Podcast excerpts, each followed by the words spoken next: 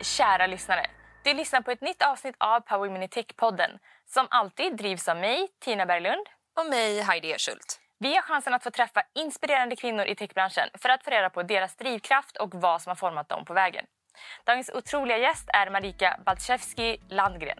Marika har en imponerande karriär utomlands inom marknadsföringsbranschen och byrån Digitas för att sedan bli headhuntad till Google. Hon brinner för att stärka varumärken och satte Meds på kartan. Marika är lika precislös som imponerande och är känd för sin outtröttliga positivitet, vilket har tagit henne genom livets toppar och dalar. Idag skapar hon ett namn inom elbilsbranschen för företaget Kala. Välkommen till podden! Tack så mycket! Vi är ju så glada att ha dig här, Marika. Hur är dagskänslan? Väldigt bra. Jag sa precis det innan jag kom hit. Jag har haft en så bra morgon. Jag kom vara tidig på jobbet, jag har fått så mycket gjort. Härligt. Så tog jag en Voi genom Stockholm. Det känns underbart. Härligt. Vi har ju förstått att kärleken till entreprenörskap började i tidig ålder. Vad är ditt första minne kopplat till det? Ja, jag vet inte vilket som är det första.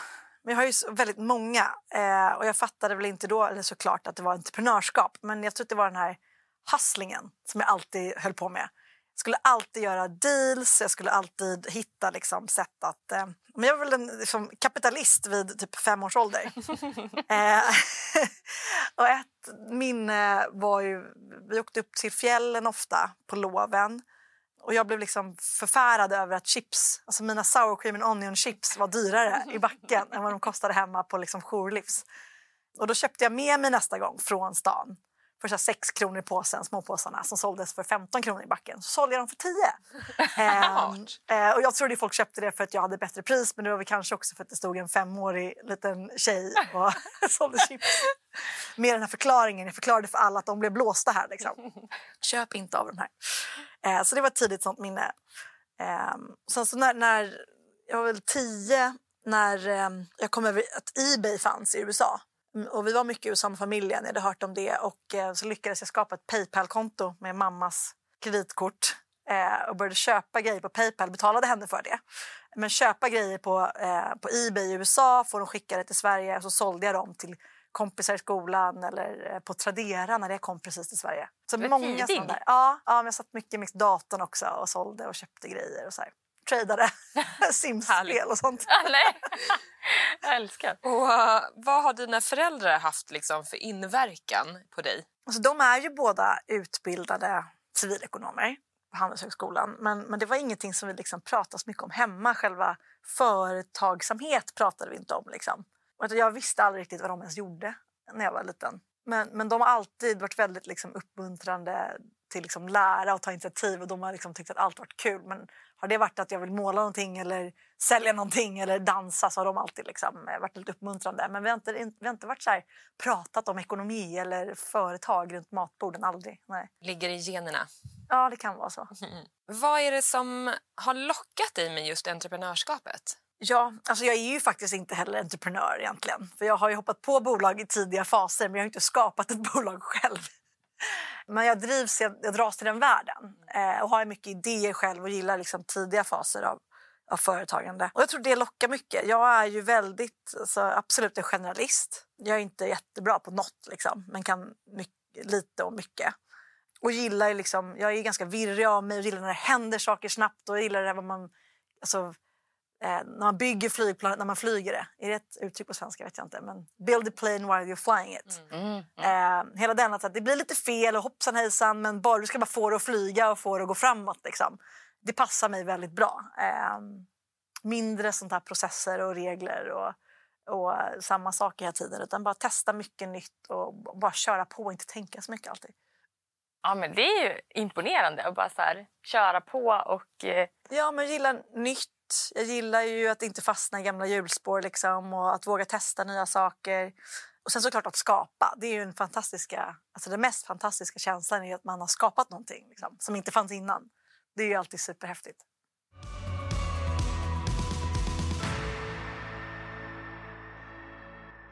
Du har haft en otroligt spännande karriär och har tillbringat många år i New York, Dublin och Amsterdam till exempel.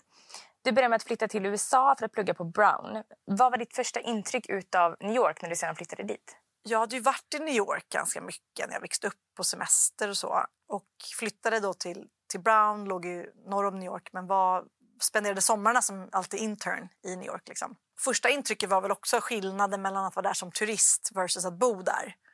Man får sitt lilla liksom, eh, samhälle i de kvarteren man bor i och det här gemytliga. Och jag tror att det som slog mig mest, och jag jämförde dem i Stockholm där jag hade växt upp, var ju att jag gillar den här känslan av att när det går men det spelar liksom ingen roll var på Manhattan det går. Men det finns inte någon... Alltså gatan är för alla.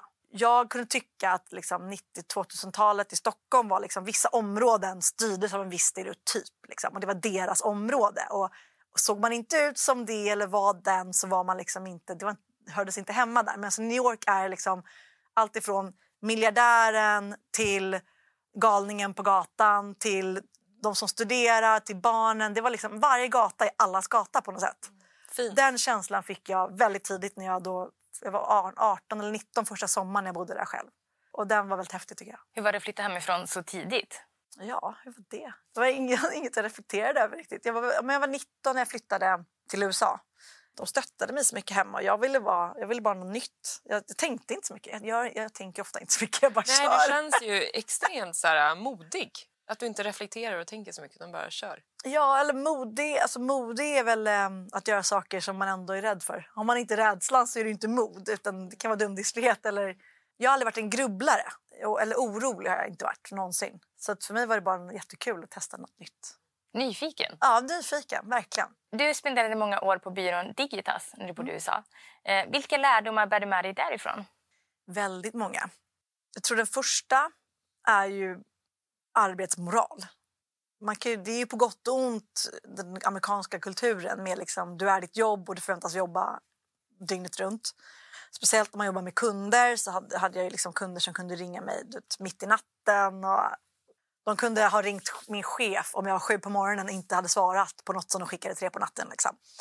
Ehm, och det är ju inte en bra grej, men, men däremot att liksom lära sig både arbetsmoral och eh, kundbemötande, att liksom, hur, hur man jobbar mot kund blir, blir man ju väldigt drillad i där. Ehm, och det är någonting som jag verkligen har burit med mig och, och ser många, eh, många runt den som kanske inte haft den erfarenheten. Att jag känner att jag har haft en fördel där, att jag liksom verkligen kan hantera det. Liksom, problemlösning, hur man jobbar mot kund, hur man... Den, den bär jag med mig. Och sen när det kommer till byråverksamheten och, och reklamvärlden så, så har det varit väldigt värdefullt för mig att veta hur det kan funka på stor reklambyrå med, eh, ja, med internpolitik och processer och timrapporteringar och hur man prissätter saker och liksom mycket som jag inte tycker är så vackert som man har fått uppleva på insidan.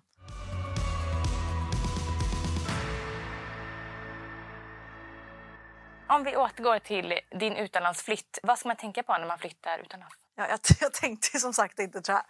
Eh, och det kanske är mitt tips, att liksom inte, alltså, inte vara så orolig. Du kan alltid flytta hem igen. Så att överlag, det handlar inte bara om att flytta utomlands, men att liksom göra grejer, våga. Trivs man inte kan man alltid flytta hem. Och det kommer ge, jag tycker att det ger så otroligt mycket att uppleva andra kulturer och eh, man träffar nya typer av människor. Och jag tror att framförallt i Sverige så fastnar man ju väldigt ofta med människor som är lika en själv. Och eh, det är inte lika lätt eller naturligt i Stockholm att träffa nya typer av människor med andra bakgrunder eller synpunkter på världen och så. Eh, och det tror jag är väldigt givande. Hur skulle du säga att man vågar starta om och bygga ett liv på en annan plats? Alltså jag är ju inget proffs liksom. För mig så var det inte någonting läskigt, för mig var det bara lockande. Och det kanske också var för att jag var yngre. Så jag hade ju liksom precis tagit examen från gymnasiet och jag var väldigt sugen på vuxenlivet och få göra något nytt. Och så hade jag växt upp i Stockholm med väldigt mycket samma umgänge från att jag var liksom förskoleåldern till gymnasieexamen i princip.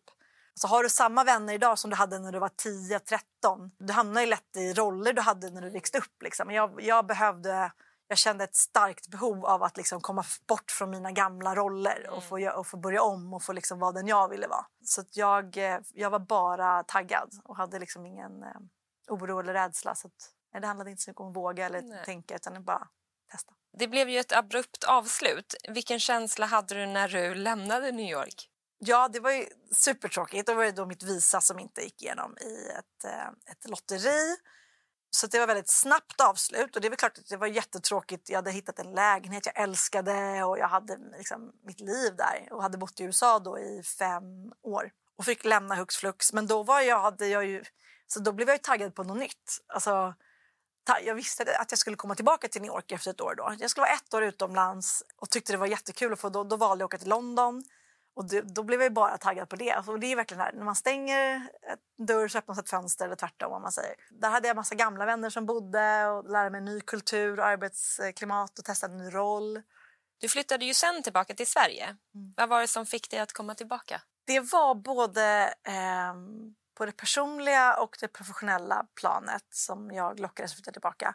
Jag hade varit i, Lon i Dublin då ett år senast. Eh, så från London hade jag åkt tillbaka till New York och sen flyttade till Dublin med Google då, som hade huvudkontor där. Och på det professionella planet så var det väldigt kul först att jag hade liksom för första gången verkligen börjat fastna i reklamvärlden. Jag hade jobbat inom den i sex år nu men nu kände jag det var väldigt, väldigt kul. Innan var det lite mer ah, någonting jag testade.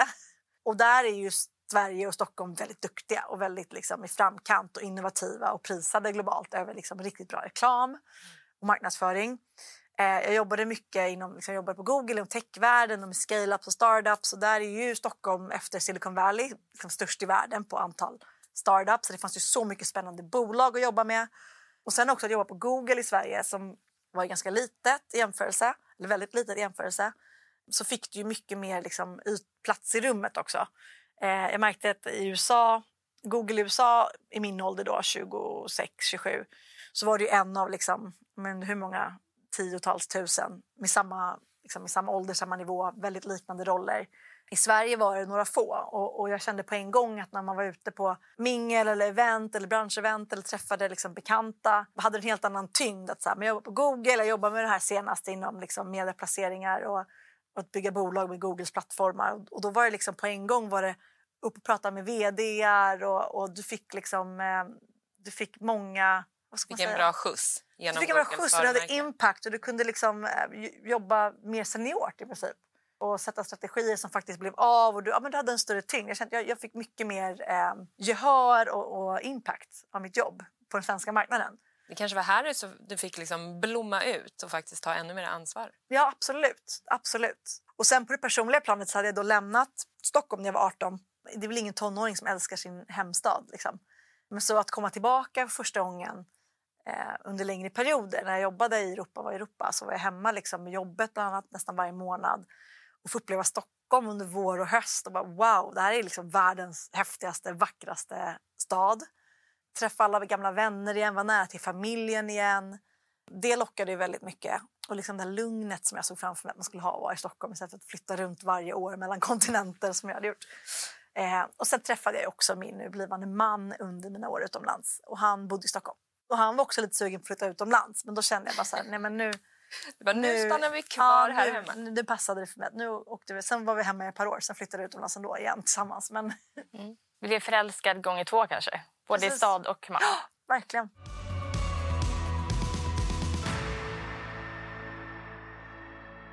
Om vi ska gå in på ja, något lite tuffare som du gått igenom. För två år sedan fick du ett besked som för många blir livsomvälvande. Du fick diagnosen Hodgkins lymfom.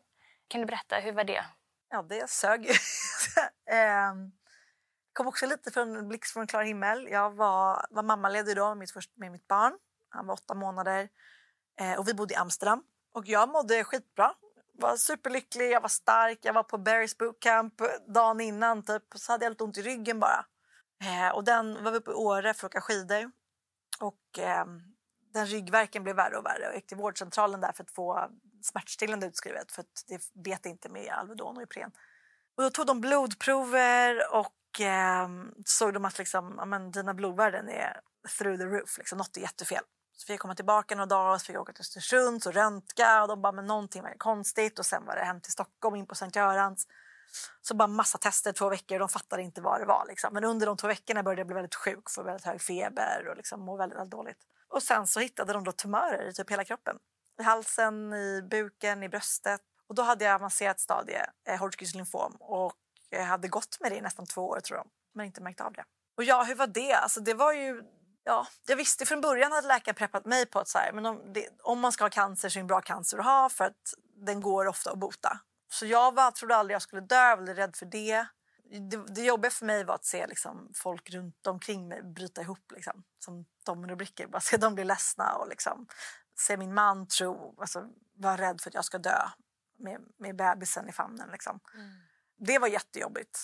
Och sen var det liksom, för mig var det mest bara, okej, okay, då gör vi bara som doktorn säger, nu cellgifter och liksom, för mig var det lättare för det var väldigt eh, konkret vad jag behövde göra. Jag behövde ta mina cellgifter och jag behövde vara sjukskriven och inte gå tillbaka till jobbet och det var jättetråkigt och det var skittrist att tappa håret och skittrist att bli så kortison, man blir runt som en ballong liksom mm. och inte känna igen sig själv.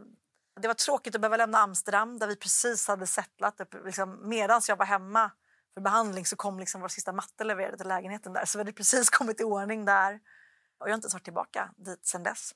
Så det var ju tråkigt, absolut, men, men eh, för mig var det bara någonting att gå igenom och sen var jag också tacksam. Nu fick vi flytta hem.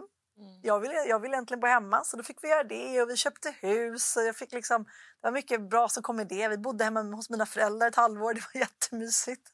Bodde i ett kollektiv. Så det var jobbigare för folk runt mig än för mig. Mm. Mm. Var hittade du din styrka? Alltså jag tänker så här, nu, vi pratade ju lite om att här, du är positiv och kanske inte tänker det värsta. Nej. Men någonstans måste man ju ändå hitta någon styrka. Var hittade du den? I, jag tror att eh, jag kände väldigt mycket tacksamhet under den tiden. Mycket tack vare min son. Han har ju också världens gladaste kille och bebis som vaknar varje morgon liksom, och bara wow, det är dag! Liksom. Det är svårt att vakna och inte bli inspirerad av det. Mm. Och bara tacksamheten ha honom. Cellgiftsbehandlingen påverkar ens kropp så att, eh, jag, kan ju, jag bli visste att jag skulle bli infertil av den.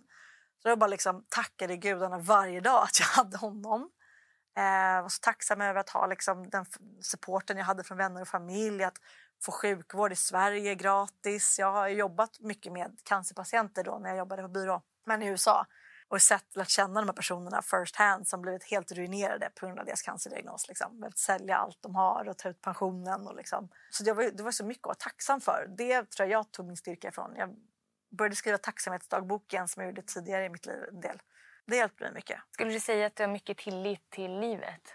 Ja, det har jag absolut. Och det har, det har gett mig, när jag var 19 träffade jag av andra omständigheter en, en eh, rabbi i USA. Han eh, pratade med mig om något som fastnat, stannat hos mig hela livet sedan dess. Och han sa det att vad du än går igenom, han hade precis förlorat sin son.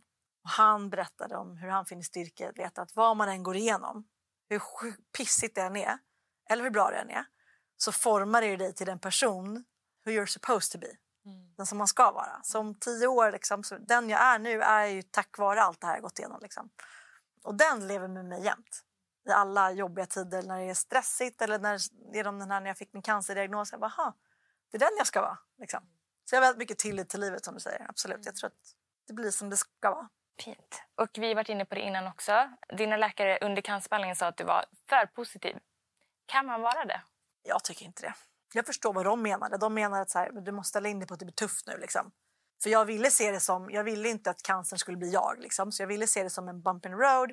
jag bara, men nu gör vi det här, sen är det över. Så de ville liksom förbereda mig på att det kommer vara tufft att göra cellgifter och så. Liksom. Du måste vara lite mindre glad typ. Eh, men jag tycker inte det. Och det är väl, jag förstår många som tycker att så här, men man blir besviken om man har för höga förväntningar eller och jag har inte förväntningar, men, men jag gillar att dagdrömma snarare. tycker jag. Liksom. Att jag gillar om, om, om jag vill att någonting ska hända... Jag tror inte, för mig personligen tror inte att jag blir mer besviken om jag har haft en positiv inställning till det. Jag, det kommer vara lika sugigt mm. hur, jag, hur, vad jag än tänkt mig om något skulle crash and burn. Liksom. Men däremot har jag fått njuta av att tro att det ska gå bra liksom, innan. Då är det bättre att ha fått njuta fram till dess än att få må skit hela, hela vägen. Ja. Och hoppet är väl det sista att lämna en också. Ja, jag tror att, så, att vara positiv är en annan grej än att, än att ha liksom, eh, förväntningar som man blir besviken av. Och som jag pratade om, jag har alltid, alltså, ingenting har någonsin blivit som jag planerat i mitt liv. Jag har blivit utkastad från USA två gånger på min visa. Jag fick åka hem från Amsterdam.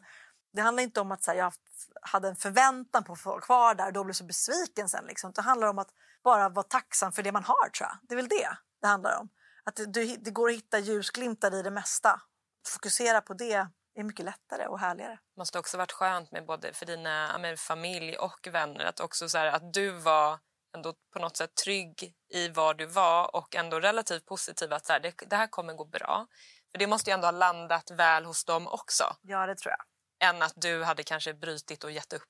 Mina vänner fick reda på att jag hade fått den här diagnosen och alla blir livrädda liksom, av ordet cancer och jag var jätteledsna. Och så tog det lite tid innan jag fick komma hem från sjukhuset och man isolerade en del och det var covid och jag var ju immun, hade inget immunförsvar. Men så var det ju flera när jag försökte träffa folk, ta promenader eller så liksom. Så man såg hur de kom så helt spända i axlarna och sen tog det några minuter och sen bara, ah, okej, okay. du är fortfarande du liksom. Mm. folk var så rädda att liksom eh, jag folk tyckte det var jätteskönt att säga så här, men jag är fortfarande jag och jag går inte runt och gråter eller liksom fokuserar på det här utan vi kan fortfarande ha ett samtal om annat. Liksom. Du jobbade ju på Meds när du fick beskedet mm. eh, om cancern. Hur var det att se branschen från det perspektivet? Men igen så fick jag väldigt mycket tacksamhet för det jobbet vi gjorde. Liksom. Jag kunde ju i princip inte gå in på apotek under den tiden. Både för att jag var för trött men också för att liksom, jag hade inget immunförsvar, det var under covid. Det hänger sjuka människor på apotek. Liksom. By nature. Jag var ju redan sedan innan en flitig kund själv av meds men nu var det varje dag. Liksom. Jag hade ju mediciner varje dag, hur många som helst. Och, och framförallt liksom den service som man kunde få under personlig service av de som jobbade där blev jag väldigt stolt och tacksam över det arbetet som vi gjorde varje dag och mina kollegor och, och hur viktigt det kan vara för folk. Vad drömmer du om just nu? Inte så mycket. Alltså, jag är ganska glad som det Jag drömmer att massa av mina onoterade innehav ska ge frukt. Om man ska tänka eh, ekonomiskt. Eh, jag drömmer om ett liksom, familjeliv. Jag vill gärna få mer barn framöver på ett sätt eller annat. Men jag drömmer liksom om, om bara att få ha lite lugn och ro. Tror jag. Få njuta av min familj och ha det jobb. Jag har bara jobbat mitt nuvarande jobb i sex månader. Bara ett jobb jag älskar och med lite lugn vardag.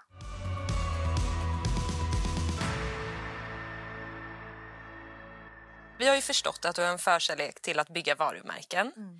När upptäckte du det? Jag fick min första fascination för det. Eller först, det minnet jag har är när jag jobbade, eller jag pluggade på Brown och började jobba deltid för Red Bull. Mm. Och tyckte väl kanske innan att marknadsföring inte var ett riktigt jobb egentligen, tror jag.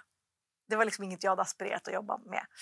Och där blir man ju väldigt drillad i liksom branding. Och det, det går i skolan när du börjar där i liksom brandets personality och hur man uttrycker det och hur man inte gör och hur det känns. Och, liksom, och då blev jag så här, men wow, det här är så coolt. Liksom. Så det var det första varumärket som jag verkligen kände så här, men de har liksom byggt det här varumärket från en produkt som smakar rätt illa. Liksom. Men har byggt jag håller med. Värld. Det är väldigt bra jobbat. Ja, men det är alltså vad, vad makten ett varumärke kan ha. Ja, liksom. och allt de gör runt omkring det också idag. Alla ja, sporter. Och, ja, liksom, ja, det är ju helt otroligt. Verstappen, Formel 1, ja, Red. Den där pissiga drinken. um, så det var det första minnet så. Och sen så var det liksom tror jag att det var på Google, inte på reklambyrån faktiskt. tror jag. Där var det mest det var så lite strategi. Jag jobbade som strateg ändå men tyckte ändå det var så lite strategi i det man gjorde för varumärkeskampanjerna. Och då jobbade jag också främst med stora etablerade varumärken. Det var American Express och det var L'Oreal och det var alltså, AstraZeneca. Och, det var liksom inget, där, inget nytt riktigt. Um, men det var på Google um, så tror jag att det kom när jag började se på hur man mätte sånt alltså liksom varumärkesmätningar och, och, studier och hur man kunde mäta av liksom vilka kreativ, vad faktiskt ändrar folks bild av det, vad, vad folk kommer ihåg ett varumärke versus inte. Och så här. Då började jag liksom tycka att det var riktigt kul. Jag pluggade inte marknadsföring så för mig blir det här min skola, liksom, att förstå hur varumärkesbyggande faktiskt leder resultat i och med att du inte behöver köpa in kunderna hela tiden. Eller även när du köper in kunderna, hur mycket billigare klicksen blir om du har ett varumärke som är starkare och ditten och datten. Och alla de här, man börjar se det lite mer svart på vitt, liksom, vad det faktiskt betyder för företagandet och för businessen att ha ett varumärke. Då började jag liksom tycka att men det här är väldigt häftigt. Vad är det som är häftigt? Vad är det du gillar med det? Men jag gillar den här kombinationen av liksom kreativiteten och affärstänket. Att du liksom, hur du jobbar med färg och form och humor och vilka element du ska använda. Och sånt som inte alls känns som att det är, har med, att det är något som är skapat med affären in mind. Men det till allra högsta grad är det. Det är där jag tycker det är roligt. Liksom. Jag har alltid älskat men, affärsvärlden och som pratar om entreprenörskap. Men jag har aldrig gillat det här med liksom, eh, kostymer och det traditionella. Liksom. med varumärket så är det, liksom, det är den roliga sidan av det. Liksom. Och så, så pluggade jag ju psykologi på Brown och liksom, jag använder det mycket när jag bygger varumärke och liksom mycket när jag har interna och externa men diskussioner om liksom det här med men I mina branscher ofta pratar de om liksom trovärdighet. Du måste liksom balansera det här med trovärdighet för varumärket. Och det, med, med meds var det mycket, men tänk på att det är mediciner och det är bank-id, det ska vara trovärdigt. Och nu med Kala, men det är dyra köp, det måste vara trovärdigt. Och liksom, ja, fast vad bygger trovärdighet och vad bygger egentligen preferens och att man gillar någonting psykologiskt? Det är ju inte vad du säger egentligen, det är ju känslan du förmedlar. Och det är ju psykologiskt så kommer du alltid gilla någonting som du känner igen över något nytt. Liksom. Så det kanske, det kanske är viktigare för dig att bara bli igenkänd mm än att säga massa trovärdiga saker. Liksom. Mm. För att faktiskt bygga den psykologiska mekanismen, att liksom någon litar på dig. Mm.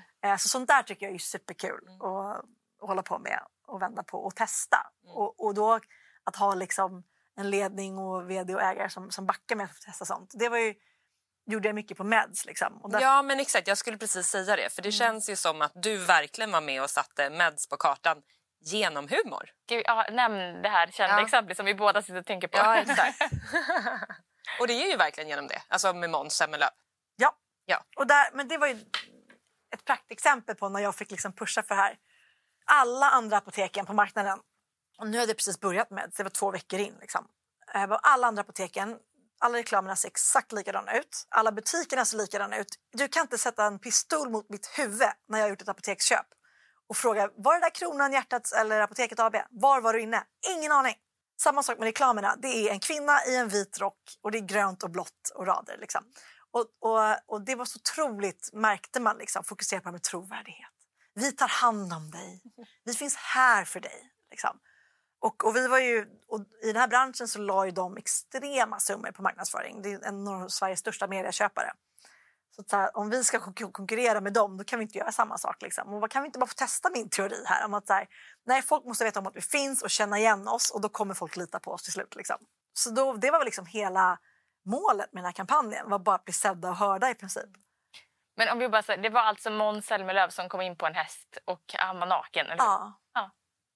Och det minns vi än idag. Det var ju länge sedan. När var det här? Ja, liksom? Sex år sedan Ja. jag skulle säga att det var där ni slog igenom. Ja, men det var det absolut. Ja. Alltså, vi var ju, Meds var ett år gammalt då och helt okänt i varumärkesmätningar. Och den kampanjen liksom mångdubblade vår trafik in på sajten över natten. Liksom. Ja, det är så häftigt. Och var ju på löpsedlar. Alltså, mm. Jag vet inte vilken av men på kvällstid hade liksom Måns på hästen på löpsedlarna. Idolfinalen hade den uppe på bild. Flera år senare kom den in i Helenius hörna så gjorde de sketcher. Så den fortsatte liksom hela tiden. Och verkligen gjorde att vi blev, liksom, folk hörde om vårt namn och då spann det vidare från det. Liksom. Och vi behövde inte prata om att vi, vi tar hand om ditt bank-id, vi är säkra, vi är pålitliga. Liksom, utan, ja, jag tror ju väldigt starkt på sådana grejer. Ja, men det är så häftigt. Men det är så kul att höra dig prata om det för det märks verkligen att så här, ja, men du älskar det här. Ja, det... Eh, så egentligen, jag skulle bara vilja höra mer, men eh, vi kanske måste gå vidare. Vi får nog göra det. Vi kan köra ett bonusavsnitt. Ja, exakt. Precis tar vi med oss, eh, då tar vi med oss Måns ja. på den vita hästen.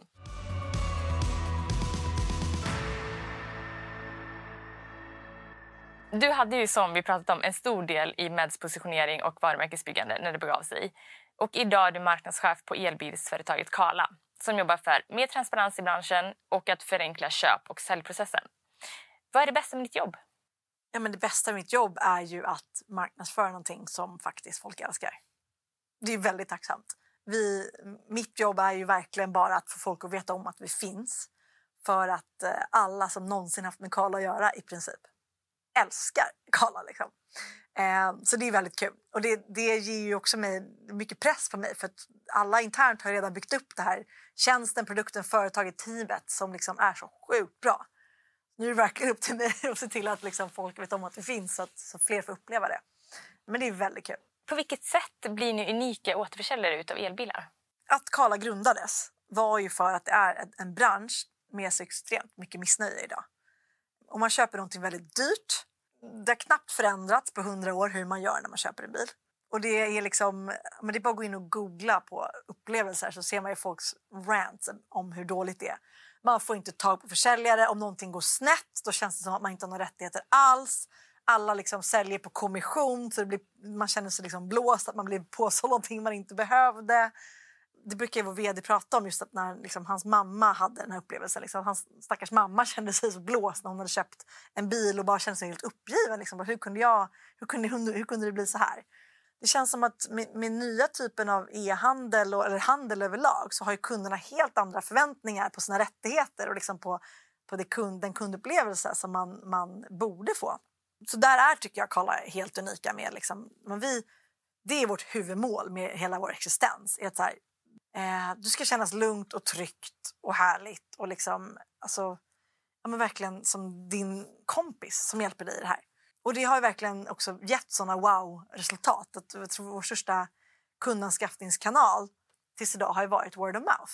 Jag har för mig att jag läste att ni även har att man får testa på. Precis, så du provkör ju bilen hemma i 14 dagar. Och, och då kan du så returnera den av vilken anledning eller ingen anledning. Det var någon som hade en, en hundbur som inte fick plats i baksätet upptäckte han. Liksom. Så att bara den här trygghetskänslan. Liksom. Och det är klart att det kan behövas också när man ska köpa det online såklart. Vad skulle du säga är din egna personliga koppling till elbilar? Utöver jobbet är att jag kör en elbil. Och det är faktiskt eh, köpte jag innan jag började på Kala. Men när, när, man väl har kört en elbil så byter man väl aldrig tillbaka. Jag har aldrig hört av någon som gör det. Och jag skulle aldrig kunna föreställa mig att, uh, att byta tillbaka till en fossil avgaspruttande bil som kostar hur mycket som helst att tanka. Du kan inte tanka den hemma. Alltså bara det. Nej, men jag håller helt med. Vi har också elbil och ja. vi är frälsta. Ja. Och de är så mycket roligare att köra. Så, det var det roligaste. Tysta. Nej, men det var som att köra typ en go-kart. Alltså jag, tyckte, alltså jag som jag gillar att köra fort. Och så alltså jag, jag blir helt, det är lika roligt varje gång man sätter sig i den bilen. Det, det, läskiga, eller det läskiga, det farliga är att man inte riktigt känner att det Nej. går snabbt. Och det är så tyst. Ja. Så när du är på motorvägen så är det så här, oj 140. Ja. Och det känns som att du kör typ Och då sänker 100. du farten vill vi bara lägga till. Och sen, ja, självklart. och man blåser förbi sportbilar liksom. Och ja, bara axlar så sjukt fort. och bara, ja, man kör med en pedal. Ja, jag vet. Slipper liksom bromspedalen. Ja. Jag tycker den här, nu är inte jag någon elbil, eller jag har ingen bil alls, men den här eh, displayen. Bara att det liksom inte är något annat som man ska ja. trycka på. Eller liksom. Men allt! Mm. Det är samma sak som, alltså fun fact, när jag tog körkort tog jag automatkörkort. Här är en sån story min pappa jag ska berätta. För jag tyckte att så här, manuell, alltså växellåda var en utdöende teknik. Varför ska jag lära mig det för? Gamla sättet att köra på, men som det här med liksom bromspedalen. Eller allt det där. Liksom, det, det dör. Jag har inget intresse av att hålla på med det längre för det är så mycket sämre. Liksom.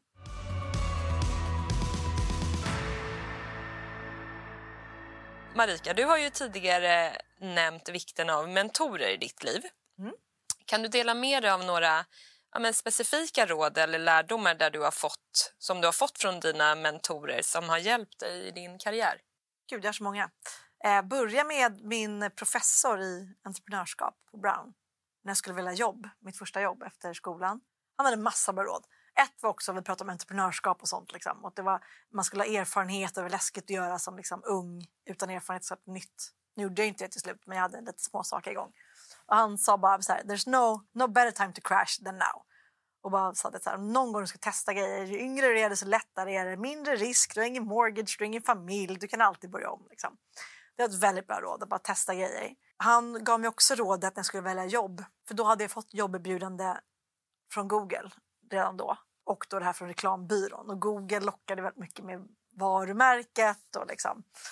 Och där var han också väldigt så här att men, tänk, det är mycket viktigare med vem du får som chef och vad du får för personlig utveckling. Så prata med dem liksom om hur kommer du som individ få lära dig att utvecklas och vad, vad investerar de i dig? Och där hade jag gjort mitt internship på reklambyrån innan och hade eh, lärt känna vdn där och kände på en gång att på Google blir jag ju en av x hundra eller tusen som börjar i samma roll över hela USA. Liksom. På den här byrån så var de, hade en helt annan liksom, commitment till mig. Att så här, men du, kan få, du kan få prova på olika roller. De skulle sponsra Visa och de hade en, då fått en mentor där redan. Liksom.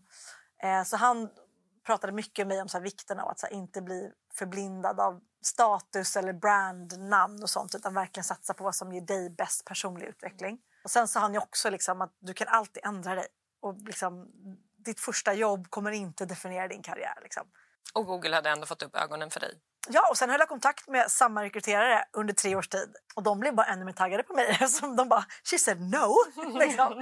eh, så hon gav ju mig nya erbjudanden liksom, nästan varje år. Så jag höll kontakten. Men vad tror du om det här? Vad tror du om det här? Och sen så när jag väl fick jobb där igen då, efter tre år så var det också hon som gjorde att jag då kunde flytta till USA när jag inte fick mitt visa. Och så här, så det var jättebra kontakt. Och sen har jag haft min mentor, en businesskvinna från New York som eh, var Wall Street-räv som pratar mycket om eh, med kvinnor i karriären. Och hon var på, på den tiden, var det 80-talet, på Wall Street var ett tufft klimat för en kvinna. Eh, hon fick ju klä, sig, klä ner sig och göra sig så ful som möjligt och liksom prata med mörk röst. Och så här. Många, många konstiga historier från henne. Eh, men det var hon som, som sa till mig när jag pratade om jag skulle byta jobb från, från Google till exempel till Meds. Och liksom, men hur ska jag tänka? Jag kommer kanske vilja ha barn snart och Google har samma perksen och lönen och mammaledighet och ditten och hon sa bara Man plans, God laughs. Det var hennes största. Du kommer aldrig kunna planera för de här grejerna. Liksom. Så sluta ta beslut nu för vad som kanske kommer hända framöver. Jag tycker det är fint när du pratar om dina mentorer. För att jag tänker ibland fastnar man i bilden av att en mentor ska liksom kanske ha den rollen som man vill ha eller att det liksom ska vara i samma bransch och liknande. Men det behöver inte vara det. Nej, inte alls. Mina har aldrig varit det. Det behöver bara vara någon som man litar på och inspireras av. Kanske. Ja, mm. Verkligen. Vad skulle du säga till unga kvinnor som är intresserade av att följa i dina fotspår eh, inom tech och affärsvärlden? Först tänker jag bara så här, vilka fotspår? Vad syftar man på? Men, men eh, jag tror bara att göra saker man tycker är kul tror jag är viktigt. Jag ser ju ganska många som fastnar i att så här, ja, men det ser bra ut att ha det här på sitt CV eller ta så här, jobbar på företag eller med, med saker man kanske inte tycker är så roligt. Liksom. Och jag tror inte att det är så givande in the long run. Och du måste bryta dig ut från det någon gång. Liksom. Och så är det snarare på att göra saker man tycker är kul för stunden och inte försöka tänka så himla strategiskt liksom, down the line. Jag ska ha det här jobbet två år, sen klättrar man till det steget, sen till det steget. Liksom. Så att då sticker man inte ut lika mycket heller för det finns väldigt många som har just den typen av erfarenhet som följer samma trappor på de här stora bolagen. Så det är väl en grej, att här, våga testa det som du tycker är kul och inte bry så mycket om liksom, statusen för det. Och sen då det här med nätverken. Liksom. Att, att um, träffa människor, höra av dig till folk.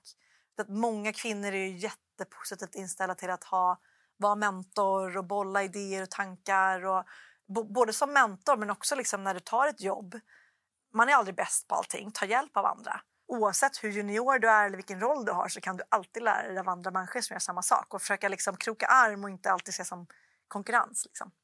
Värdefulla tips.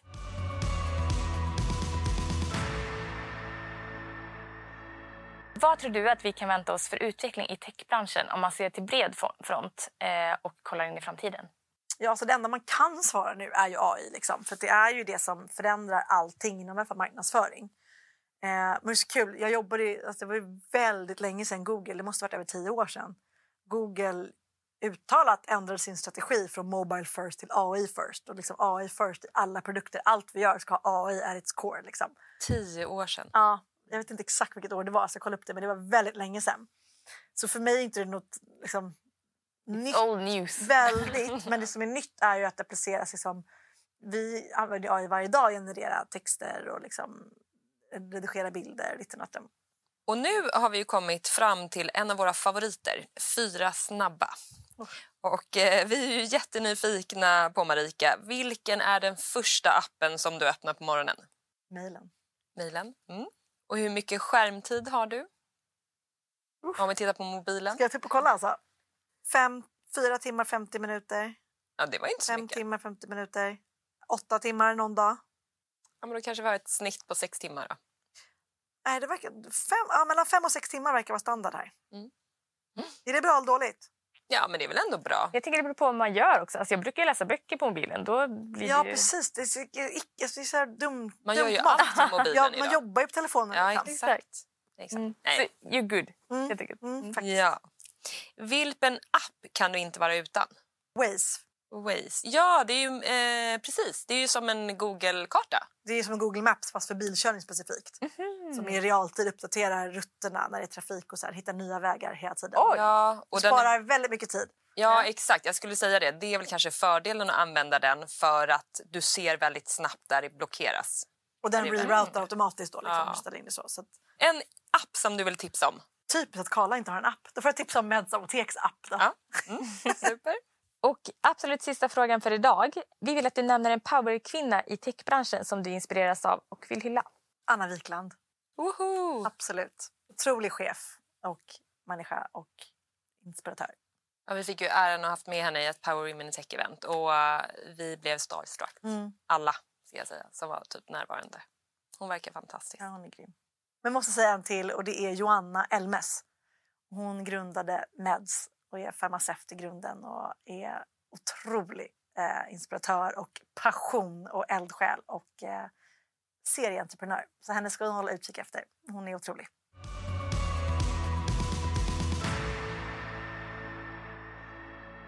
Stort tack för att du ville vara med i podden, Marika. Du lämnar ingen oberörd och vi är så tacksamma för att du ville vara med i podden. Tack för att jag fick komma. Jättekul. Tack till dig som har lyssnat på veckans avsnitt av Power Women in Tech-podden. Kom ihåg att prenumerera på podden och följ oss på Instagram.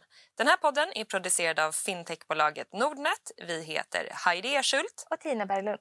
Ta hand om dig och kom ihåg att fortsätta drömma, våga och realisera. Vi hörs snart igen. Hej då! Hej, hej!